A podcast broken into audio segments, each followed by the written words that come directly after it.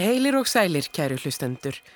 Það hefur vantalekkið farið fram hjá neinum að í voru voru samþykti ný lög á alþingi um þungunarof, þar sem rétturinn til að taka ákverðin að rjúfa þungun var færður frá heilbriðstarfsfólki í hendur kvennana sjálfra. Í aðdraðanda atkvæðagreislunar á alþingi varð mikið fjadrafóki í samfélaginu, mikil hiti var í fólki og þungorð voru látin falla í hita leiksins. Enda er ekki að fyrða Þessi einfalda læknisfræðilega aðgerð að rjúfa þungun er nefnilega ekki svo léttvæg þar sem hún tekur á alvarlegum heimsbyggilegum spurningum og siðfræðilegum. Spurningum um líf og um vald. Hvenar er það sem líf kviknar og hver er það sem fær að ákveða það? Hver er það sem ræður yfir líkamokkar og hver ef einhver á að hafa rétt til yngrips? Sem sagt, Alvarlegar spurningar sem taka á sjálfsákvörðunaréttunum og tilveruréttunum sjálfum. Þáttarstjórnandi ætlar ekkert að fjalla um þessar spurningar í dag.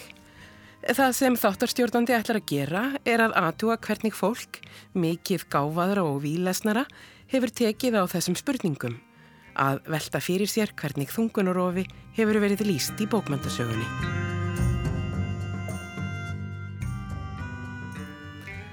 Þar er ekki um auðugan garðað gresja. Þungunarof kveikir heitar tilfinningar og þungar spurningar í hugum fólks og daglegu tali og það mætti því halda að þarna væri að finna príðis efni við fyrir skáld. En svo virðist sem að svo þökkun sem ríkir almennt um þungunarof í samfélaginu sé endurspekluð í bókmyndaheiminum. Það er nefnilega afar sjaldan að fólk ræðir um þungunarofi í daglegu tali og heyrir til undantekninga að konur deili reynslusinni af því að hafa farið í þungunarof að minnstakosti hinga til. Það ríkir hann mikil skömm yfir því og konur þeia almennt séð yfir reynslusinni.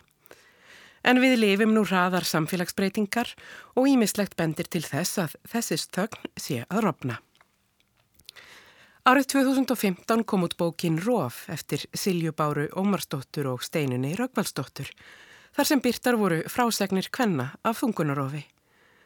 Sumari 2014 hafðu höfundar kallað eftir sögum kvenna af þungunarofi og viðbröðin voru sterk. Rúmlega hundrað konur hafðu samband og næri 80 sögðu að lókum sögu sína.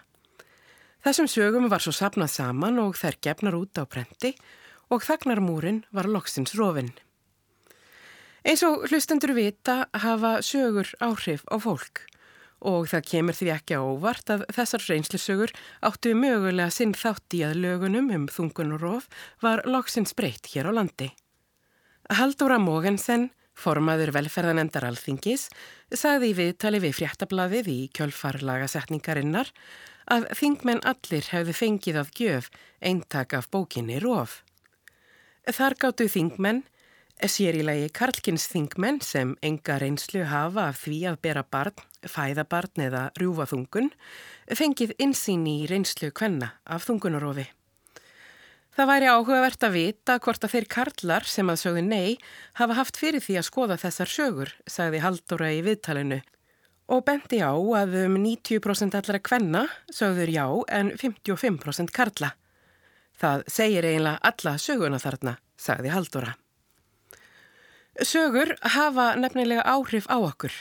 Sögur veita okkur insýn í reynslu heimannara og það sem mikilvægari er, gefa okkur færi á að setja okkur í spór annara. Það kemur því eilítið og óvart hver lítið fer fyrir þungunarofi í bókmyndasögunni.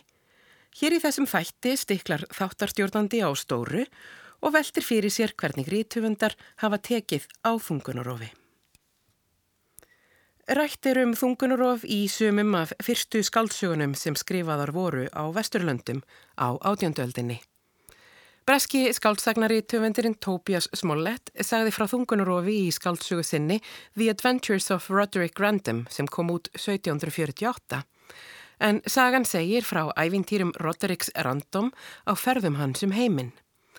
Sögumæður frásagnarinnar er Random sjálfur sem segir frá því þegar hann gengur í þjónustu læknisins Loncelots Krabs og barnar stúlku sem einnig starfar á heimili hans. Random og ástkona hans ákveða að nota þungunina sem tækifæri til að kúa fjö af Krab. Þjónustu stúlkan sem einnig hefur sofið hjá herra Krab segir húsbóndunum að barnið sé hans. Því fór fjari að hann glettist yfir þessari sönnun á karlmennsku sinni, því hann sá fram á erfileikana sem því myndu fylgja. Því tók hann ákverðun sem var honum lík, að sannfæra stúlkuna um að hún væri ekki barshafandi. Heldur aðeins haldinn veikleika sem væri algengur meðal kvenna, sjúkdómi sem hann gæti auðveldlega læknað með því að ávísa henni sérstökum livjum sem myndu hafa þær afleiðingar að þungunin yrði rofin. En random uppgötvar fyrir ætlanir herrakrabb og varar stúlkuna við.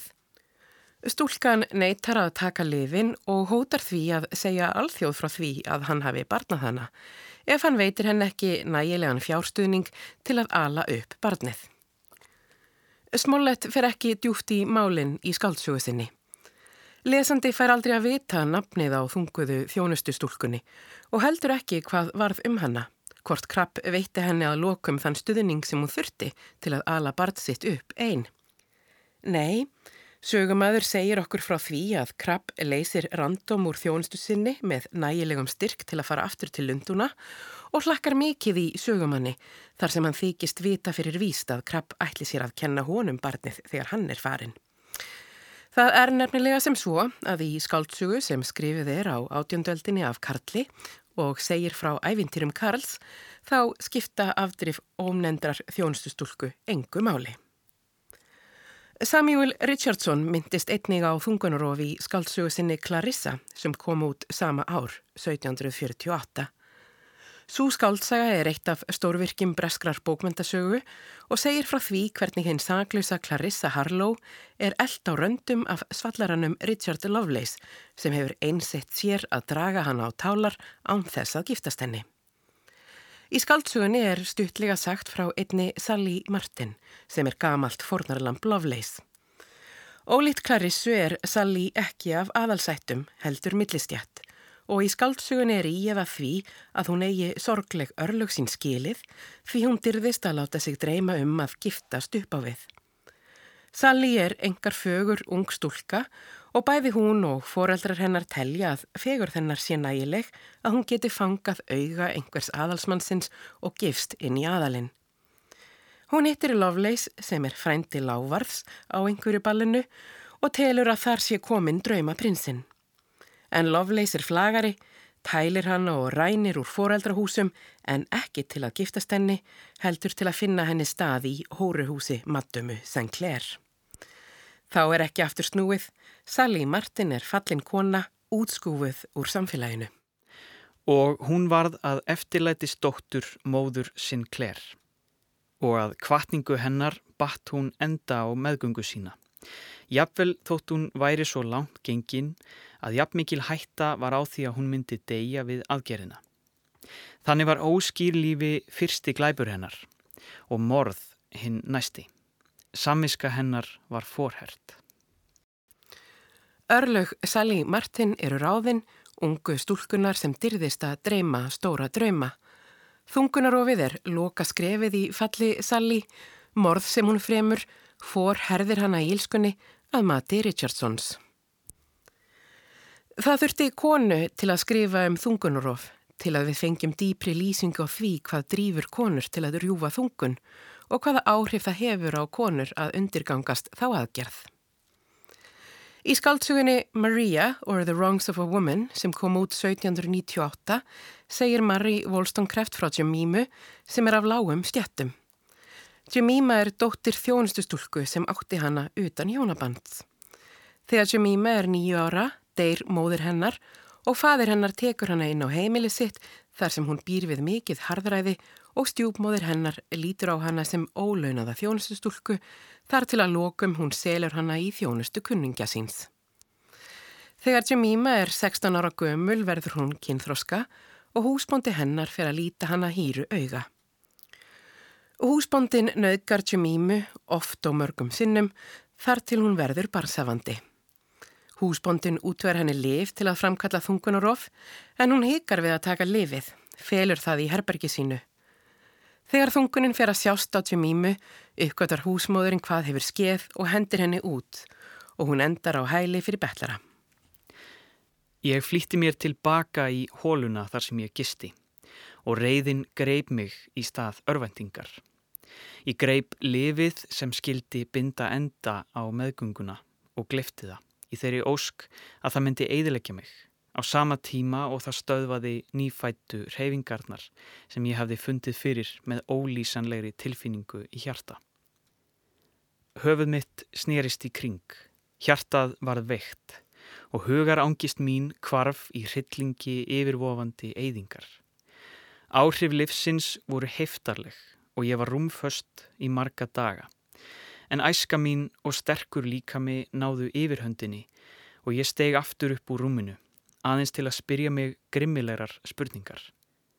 Hvert ætti ég einlega að fara? Ég átti aðeins tvo skildinga eftir í vasanum. Afgangurinn af penningnum hafði farið í að greiða fyrir gistinguna. Marie Wollstonecraft er ein af fyrstu konunum sem skrifaði um hvernréttindi á Vesturlöndum.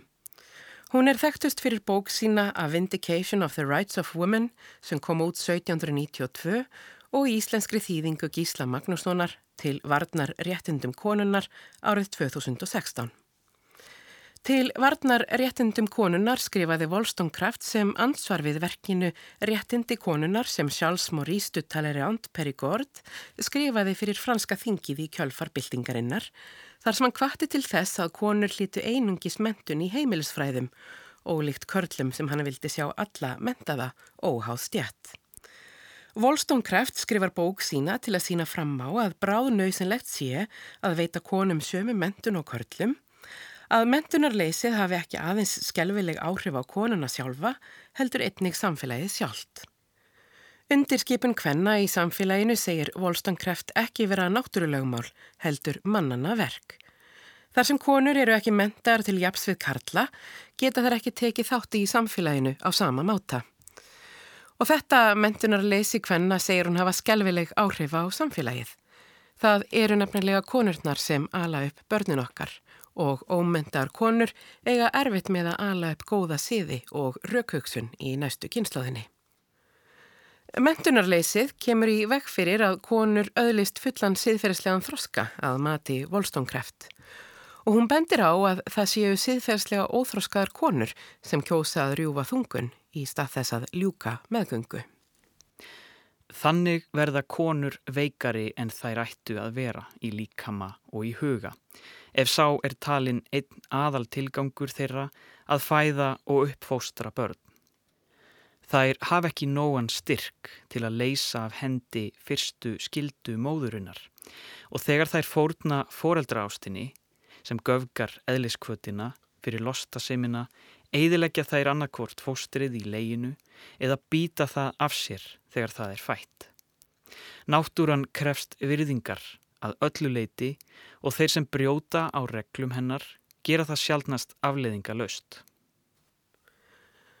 Wollstonecraft leita á þunganurof sem ósiðilega framkvæmt en skiljanlega í bókinni til varnar réttindum konunar.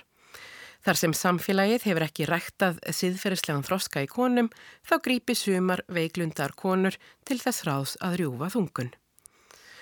Skilningur Wollstonecraft á undirskipun konunnar og stöðu hennar í samfélaginu átti eftir að þróast og í skaldsuginni Maria or the Wrongs of a Woman sem gefin á rút átta árum eftir að Wollstonecraft lauk við heimsbyggiritt sitt beinir Wollstonecraft sjónum að félagslegum aðstæðum sem geta orðið til þess að konur rjúfi þungun þrátt fyrir að svo aðgerð gangi gegn siðferði þeirra.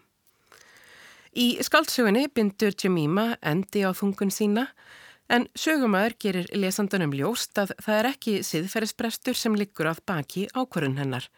Nei, Djemíma veit að það er rámt að rjúa þungun og neytar að taka þungunar á sig lifið þegar naukari hennar gefur henni það í fyrsta skiptið. Hún neytar því þrátt fyrir að gera sér fulla grein fyrir hvaða afleggingar það muni hafa að halda áfram meðgöngunni. Það er ekki fyrir en að loka þér fyrir allar bjargir eftir að henni hefur verið kastað á götuna að hún rýfur þungunina í örvendingu sinni. Og það er þessi ákverðun sem veldur því að Jemima getur að lokum púslað lífi sínu saman aftur. Eftir langan tíma á göttinni fær Jemima loks stöðu sem ráðskona í sveitinni, staða sem hún hefði ekki öðlast ef hún hefði verið einstæð móður.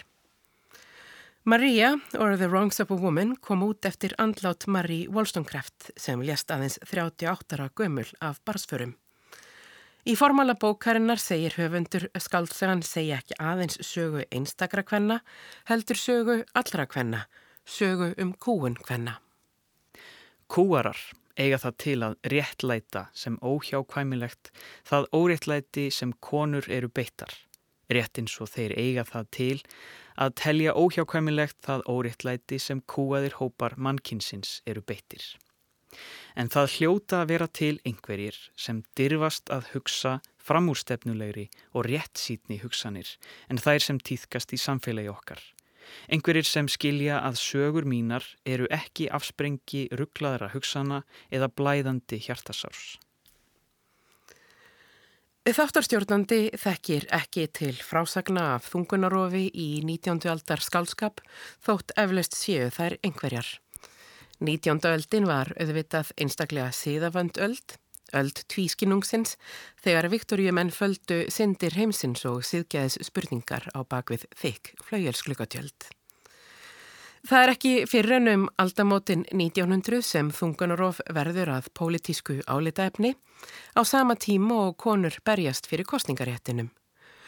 Þungunarof er vendipunktur skaldsugunar The Convert eftir Elizabeth Robbins sem kom út 1907. Skaldsagan er byggða á leikriti hennar Votes for Women sem segir frá baráttu súfragetta fyrir kostningaréttinum. Elizabeth Robbins var leikona, fætt í bandaríkunum og naut virðingar í listheimi Lunduna. Hún var vinkona Oscars Wilde og aðaleikonan í verkum Henrik Ibsens þegar þau voru sett á sviði í Lundunum. Árið 1906 fór hún á fyrsta fundsina á vegum Súfragetta og tók í kjölfari virkan þátti í baróttunni fyrir kostningarétti kvenna. Leikritið Votes for Women var að miklu leiti byggt á ræðum sem haldnar voru á fundum sem hún sótti og mótmælunum og slagsmálunum sem oft brutust út þegar konur stígu á svið. Votes for Women naut mikil að vinsalda þegar það var sett upp og Robbins endurskrifaði það sem skaldsjóna The Convert. Sagan segir frá Vítu Levering, hástjættarkonu sem er ógift þrátt fyrir að vera komin á vertuksaldur. Ástæða þess að hún er enn piparmei kemur smátt og smátt í ljós. Þegar Víta var 19 ára gömul var hún þunguð eftir ástarsamband við ónemdan Karlmann og í að vera því að hann hafi nýtt hér viðkama stöðu hennar.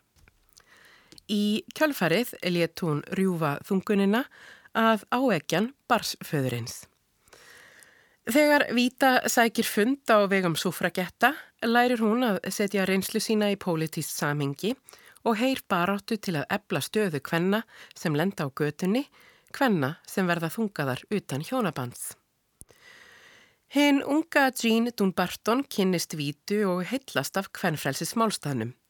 Jean er trúlofið stjórnmálumanninum Jeffrey Stonor og sér til mikillar skjelvingar kemst hún að því að það var Jeffrey sem barnaði vítu á sínum tíma.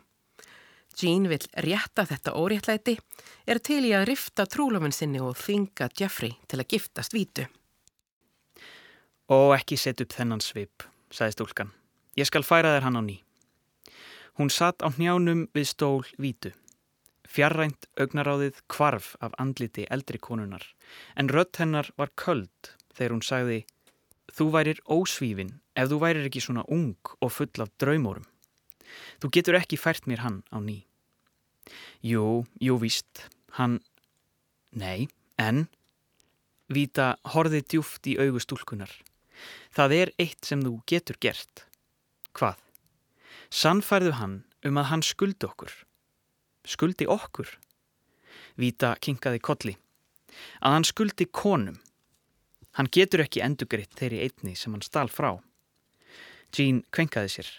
Ungmenni vita nefnileg ekki að það er aðeins hægt að endurgreða peninga, ekkert annað.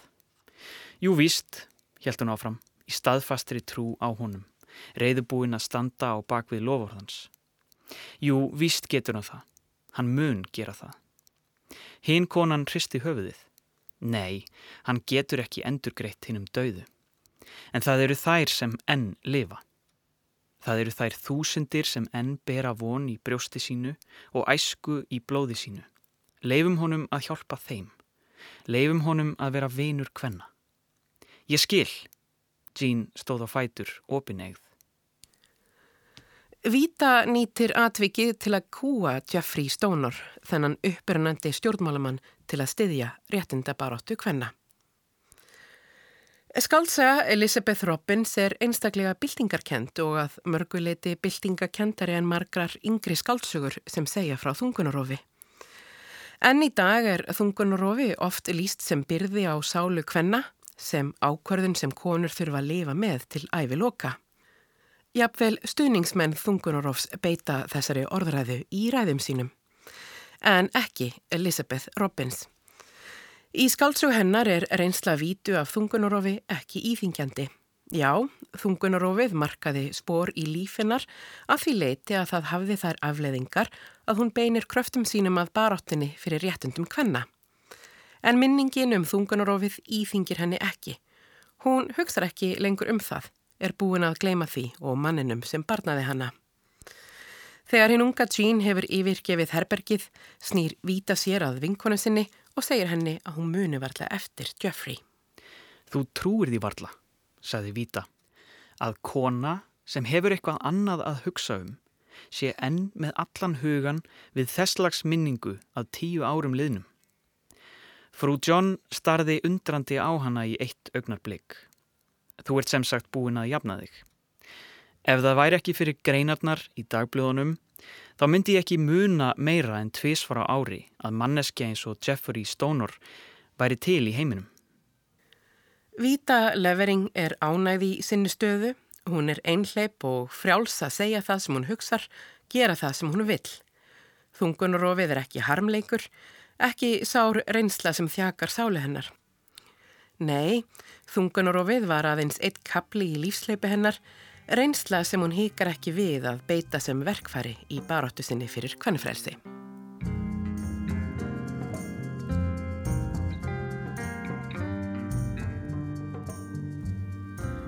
Ísland var fyrsta landið í vestur Evrópu sem lefði þungunarof. Lögum leiðbeiningar fyrir konur um varnir gegn því að verða barsafandi og um fóstureyðingar voru sett á alþingi árið 1935 samin af Vilmundi Jónssoni þáverandi landleikni.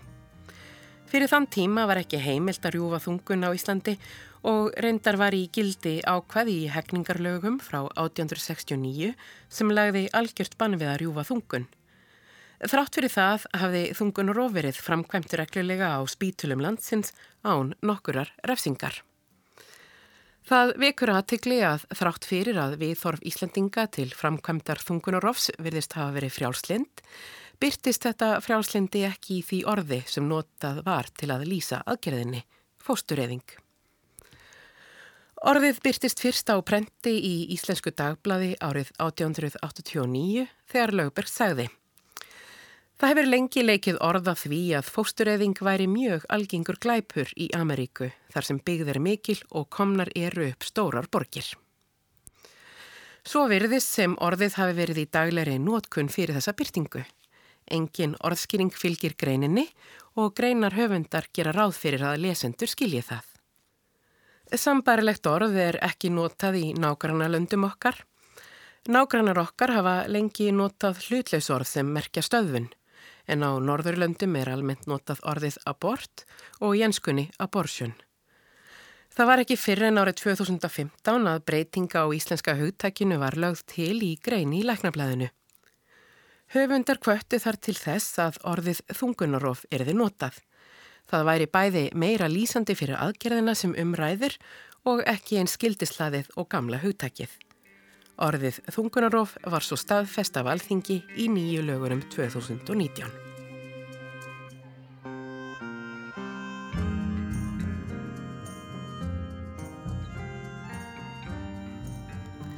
Halldór Lagsnes segir frá þungunarofi í skaldsugu sinni Atomstöðinni sem kom út 1948 og lýsir lífinu í Reykjavík á hernámsárunum.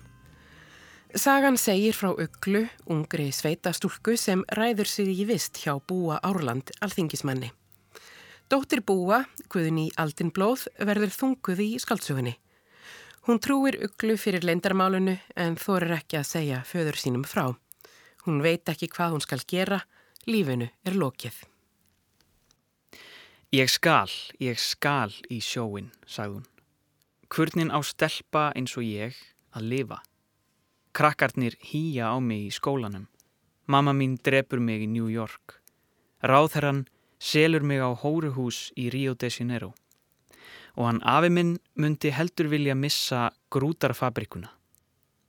Það verður hæðst áðunum pappa mínum á alþingi og í háskólanum og fólkið í snorretu flissar onni samlagningarvélina um leið og hann gengur í gegn og kommunistarnir fara í kröfugöngu fram hjá húsinu og segja þarna er litli svínbarnaði auðvaldsekkurinn.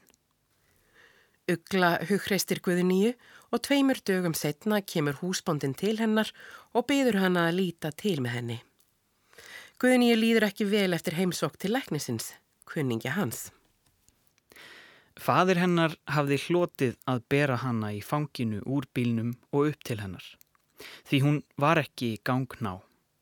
Hún lá náföl í bekk með augun aftur, bardsandlit og úvið hár. Svartan, rauðan, strókin af vörum henni, farðin úr kinnunum.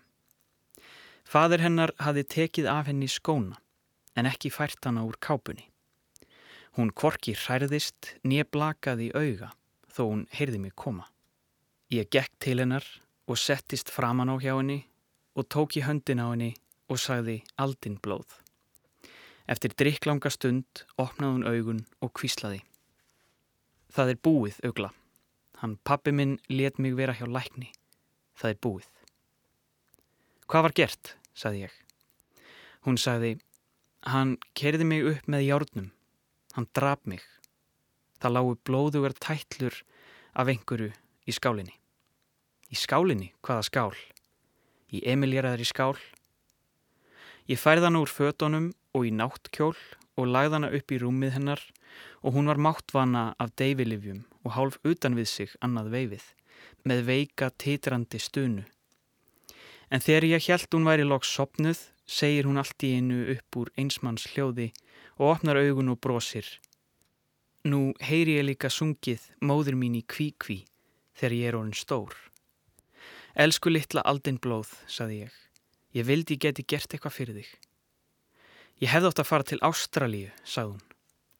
Síðan leið hún aftur í mók, langt burt frá mér. Það flögraði að mér hvort hún myndi deyja. Þanga til hún segir, Ugla, viltu segja mér ofan úr sveit? Ofan úr sveit, segi ég. Hvað getur þig langað að heyra ofan úr sveit? Segðu mér af lömbunum. Ég sá koma grátviprur í augu telpunni og síðan tár. Og sá sem grætur deyr ekki. Grátur er lífsmerki. Gráttu og líf þitt er aftur nokkur svert. Svo ég fór að segja henni af lömbunum. Fæstar konur á fyrstu áratugum 20. aldarinnar voru í þeirri aðstuða að geta rofið þungun á örugan mata undir læknisendi. Ímsum ráðum var beitt til að rjúa þungun heima fyrir. Einni slíkri aðgerð er lísti í skálsugur Ragnheðar Jónsdóttur Mín Liljan Fríð sem kom út 1961 en Dagni Kristjánsdóttir hefur líst þeirri skálsugu sem listrænum hápunkti á ferli Ragnheðar. Sagan gerist um aldamóti 1900 í sjávarþorpi á Suðurlandi og segir frá fátækri fjölskyldu.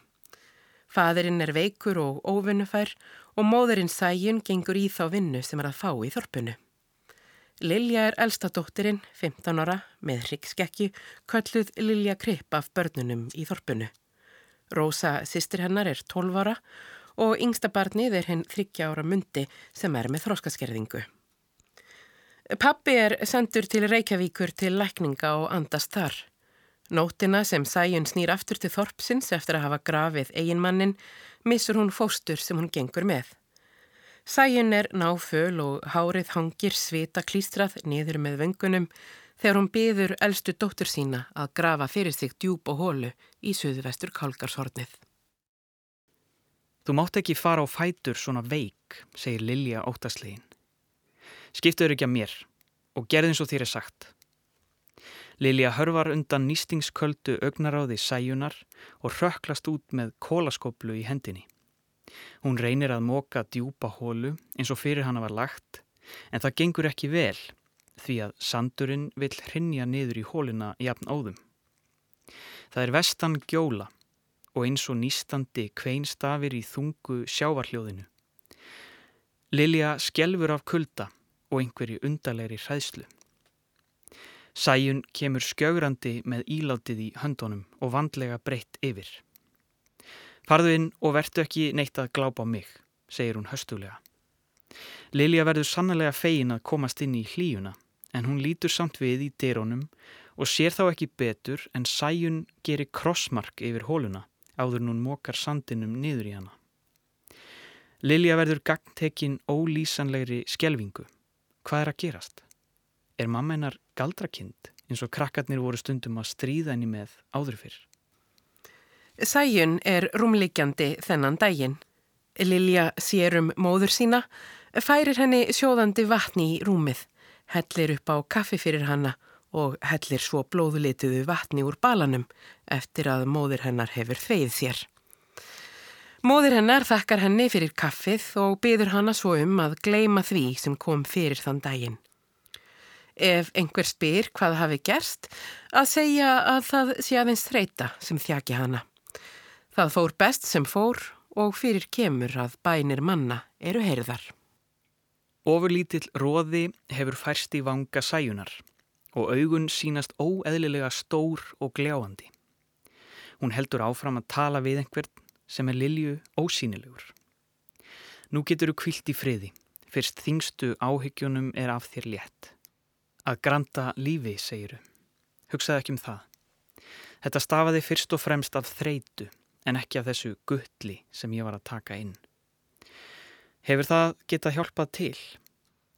Nú, þó að svo væri, þá byrð ég engan afsökunar og mæti óskeld frammi fyrir dómarunum þegar þar að kemur. Það hefur stundum verið lagt meira á mig en hægt er að ætlast til að mannlegir kraftar geti borið. Væri það nokkurt réttlæti að varpa hlekkiðum fanga í dýflissu og hegna honum þar á ofan fyrir að brjótast um í hlekkjónum? Nei, það væri sannlega ekkert réttlæti. Vert ekki svona þungbúin á sveipin. Brostu til mín, vinnu minn. Já, nú byrtir og hlínar. Hvað segiru? Allar að býða eftir mér? Ég er hrættum að mér hæfi ekki sá staður sem þér er búin. Jæja, Getur ekki hugsaðir eilífa sælu án mín? Er þá eitthvað til, þrátt fyrir allt, sem verðtir að lifa og berjast fyrir? Mamma, mamma, við hvern ert að tala? spyr Lilja skeld. Sæjun rýfur þungun sína því að hún hefur ekki efni á að eignast fleiri börn. Blá fátæk ekkjan með þrjú börn nú þegar á framfæri. Þegar skaldsagan gerist árið 1900 var harð bannað að rjúfa þungun að viðlæri alltaf 8 ára hegningarvinnu. Það virðist þó sem frjálslindi hafi ríkt á landinu um þungunarof og að aðgerðin hafi verið framkvæmt bæði í heimahúsum og á spítölum landsins eins og kemur fram í heilbriðiskýrslum. Þegar fyrstu lögum þungunarof voru sett á landinu árið 1935 var loksins heimilt að rjúfa þungun af læknisfræðilegum og félagslegum ástæðum og voru þessi lög eftir því sem næstverðu komist þau fyrstu í heimunum sem heimila þungunarof á grundvelli félagsleira aðstæðina. Heimilt var að rjúfa þungun ef hún væri heilsu konunar til tjóns og þá var hægt að taka mið af félagslegum aðstæðum hennar, svo sem hver mörg börn hún hefði átt með stuttumillibili, heimilisaðstæðum og fleiri. Einungis var heimilt að rjúfa þungun ef skrifleg greinar gerð tveggja lækna um nöðsinn aðgerðinar lág fyrir og átti annar þeirra að vera yfirleiknir á sjúkrahúsinu. Á sjönda áratögnum hófu konur að berjast fyrir rýmra aðgengi að þungunarofi og má þá sérstaklega nefna rauðsokkarhefinguna sem barðist fyrir því að ákverðunum þungunarof væri í höndum kvenna, ekki lækna. Baróta rauðsokka leti af sér að frumvarp var lagt fyrir alþingi um frjálsar fóstureyðingar þar sem konur sjálfar máttu taka ákvarðanir um að rjúfa þungun án þess að þurfa leifi lækna. Það frumvarp mætti mikilli anstöðu á alþingi og nefnd þryggja Karla var skipuð sem samti nýtt frumvarp sem hjælt því fyrirkomulagi að konur þyrtu á að halda leifi tveggja fag aðila til að láta rjúfa þungun. Aðeins þrjár konur sátu á alþingi árið 1975 og var einn þeirra Svafa Jakobsdóttir Rítufundur. Hinn 16. apríl það árið stóð hún í pontu og hjælt harð orða ræðu þar sem hún setti frumvarpið í samhengi við sögulega undirskipun konunnar. Anstaða þingmanna við að leifa konum að taka sjálfar ákverðunum að rjúfa þungun væri enn einn byrtingarmynd þeirrar kúunar sem Karlar hafði beitt konur í gegnum tíðina til að neyta þeim um sjálfsögur réttindi í mannlegu samfélagi, svo sem rétt til makavals, sjálfræðis, fjárforræðis, mentunar, kostningaréttar og kjörgengis. Menn geta fallist á fóstureyðingu vegna til dæmis fátæktar eða annars álíka undir forsjá ríkis og lærðra manna. En menn óttast að sé endanlegt ákvörnarvald fært konunni sjálfri í hendur, þá muni gerast annað hvort að hið synduga eðli hennar nái yfirhöndinni. Konur muni sækjast eftir fóstureyðingu af léttúð, hættað að nota getnaðarvarnir og lausung eblast í landinu. Og ef ekki þetta, þá af kötum sem stafa af hinni kenningunni um konuna. Að hana skorti þroska, þreg, domgreind og siðgæðisvitund og því sé þessi örlagaríka ákvörðun best komin í höndum karlmanna. Ég segi karlmanna því að þeir þrýr karlmenn sem voru í endurskoðunanemdini frægu virðast ekki hafa gert ráð fyrir öðru. Í þið breyta frumvarp vantar nefnilega alveg ákvæði um hvernig með skuli fara ef kona sem er læknir eða félagsráðgjafi óskar eftir fóstureyðingu. Er hún talin færum að dæma í eiginmáli í krafti sérþekkingar sinnar eða koðnar lærdómur hennar og dómgreind niður í ekki neitt? þegar hún er orðin vanfær kona. Það var svo ekki fyrir en vorið 2019 að alþingi samþytti loksins breytingu á löggjöfum þungunarof sem færði ákverðunaréttin úr höndum heilbriðistarsmanna og setti í hendur hvenna.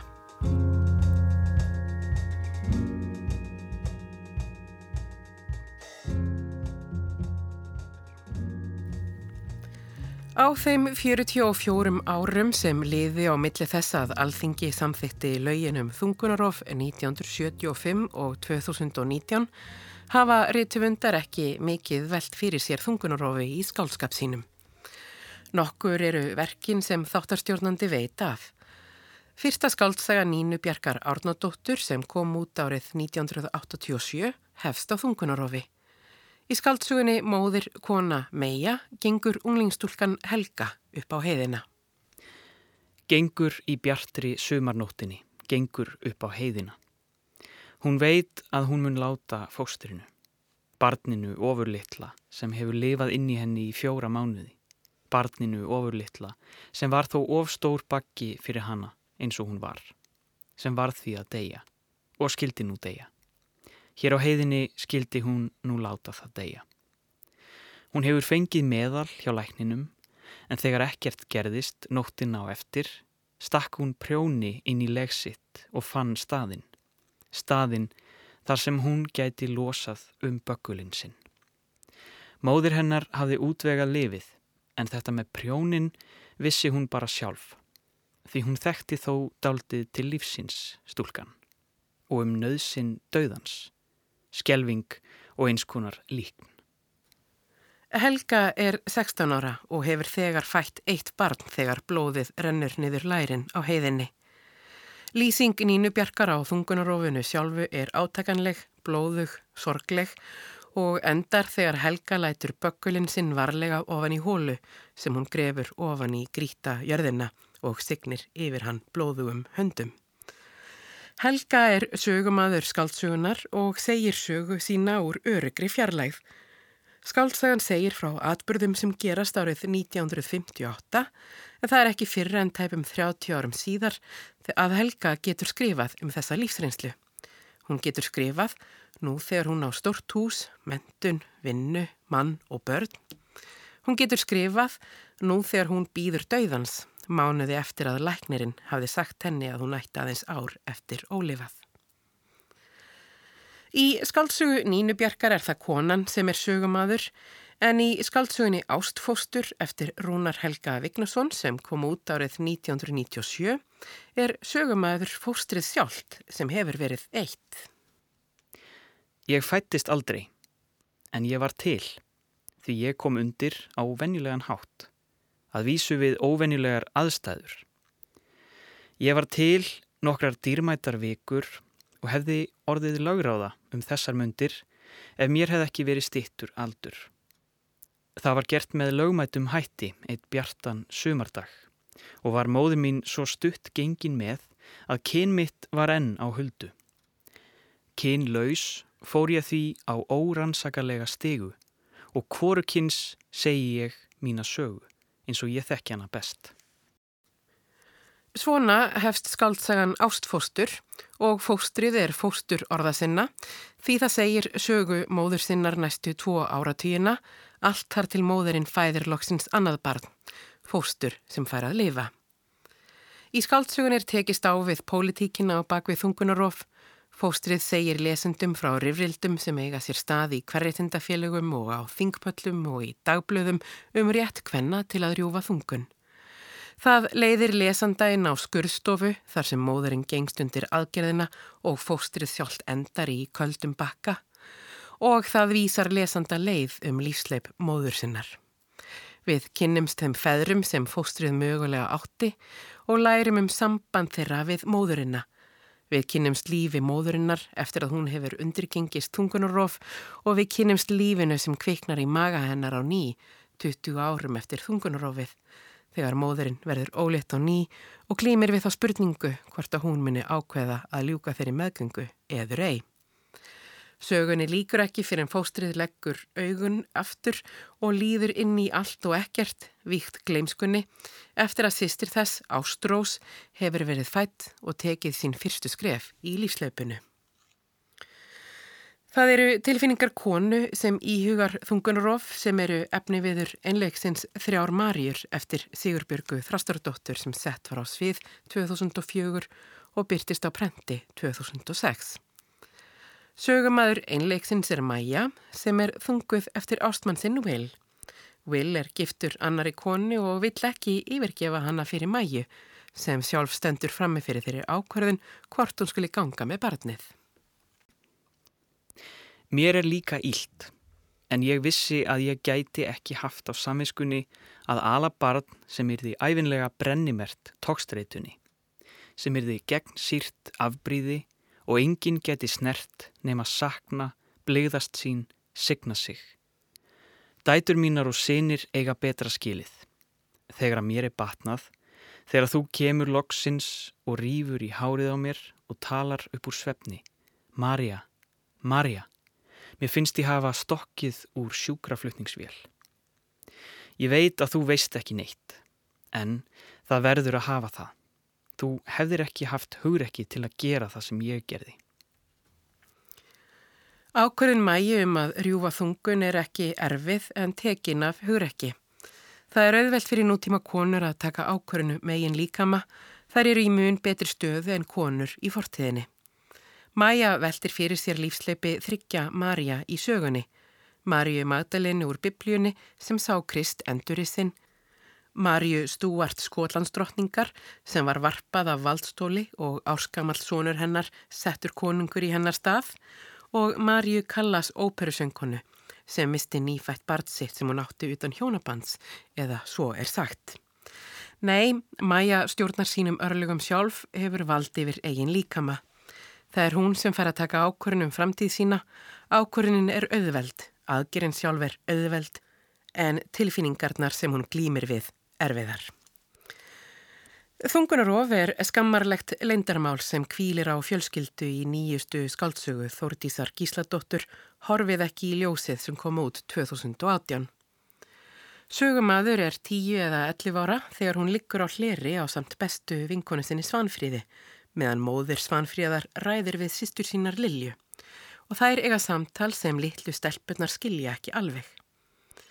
Lilja hefur fitnað rosalega mikið og segist ekki geta falið lindarmálið lengur. Hún hafi fitnað svo mikið. Hún efast um að einhver læknir geti aðstóða hanna, 47 ára gamla konuna. Það sé öruglega orðið allt of sent hvort sem er.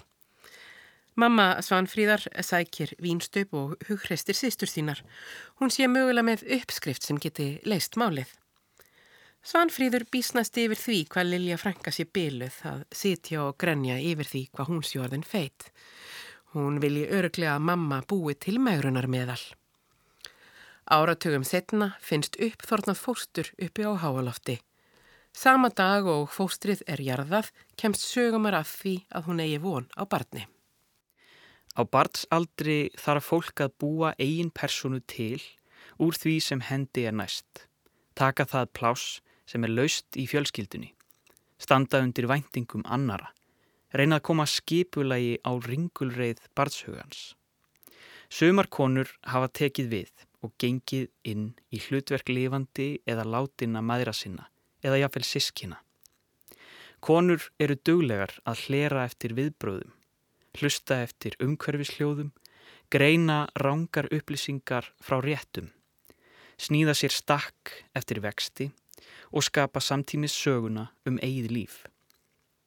Þegar við vorum ungar fannst okkur vinkonum mikilvægt að vera opnar og einlægar. Kona átti að vera hún sjálf.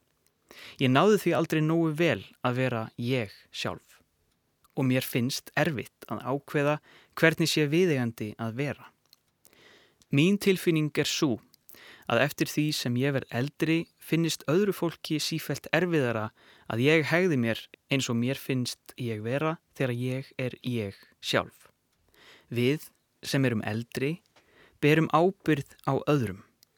Við komum fyrir eins og kjánar eða eins og við séum drukkin ef við bregðum fyrir okkur ótæpilegri einlægni. Og einlægni er líka gríma, sagði einhvert skaldið. Undanfarið hefur oft verið rætt um leindarmál eins og þau séu í grunninn slæm og mannskemandi. En tapar fólk ekki örlittlu af sjálfu sér ef engin eru leindarmálinn. Sum skúmaskott meg að hugsanlega alveg vera lokuð og læst og sumum upplýsingum er betra að deila bara með einum eða fáum. Ein og ein beinagrind má líka alveg hanga inn í skáp. Aðrar má kannski fjarlæga þegjandi og hljóðaljöst, svo lítið byrja á. Þungunarof hefur verið beinagrindin í skápum kvenna um aldana skeið. Konur hafa sjálfnast verið frjálsar, afar fáar búið við kynfrelsi. Þær hafa aðeins á allra síðustu árum og í allt of fáum þjóðríkjum haft sjálfsákvöruna rétt yfir eigin líkama, haft rétt til að taka ákvarðanir um hvort þær vilji ganga með barn eða binda enda á meðgöngu. Við konur höfum lært að skapa sjálfsmynd okkar út frá því sem samfélagið ætlast til af okkur. Við höfum hlerað eftir viðbröðum, sniðuð okkur stakk eftir vexti, sköpum söguna um eigið líf. Þetta þýðir að þær konur sem hafa tekið þá ákverðun að láta rjúa þungun hafa þagað um hana. Fáir eða engir hafa fengið að heyra um það hugrekki og stundum sálarangist sem liggur að baki þessum ákvarðunum. Þungunarof gengur þverta á væntingar samfélagsins og þessar ákvarðanir sem eru svo nýstandi einlægar, þær hafa verið læstar inn í skúmaskoti, leindaram á lokkar hverjar og einnar.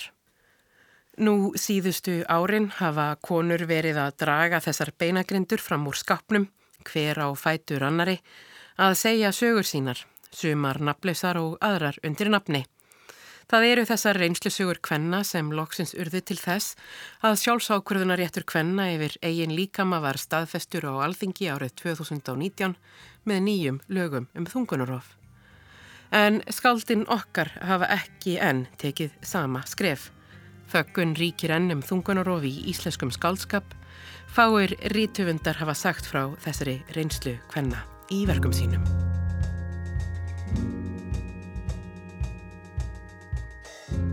Fleiri verða orðum bækur ekki að þessu sinni. Við minnum á vefsíðu þáttarins á rúf.is skástrygg orð um bækur. Þátturinn verður aftur á dagskrá á sama tíma af viku liðinni. Verið þið sæl.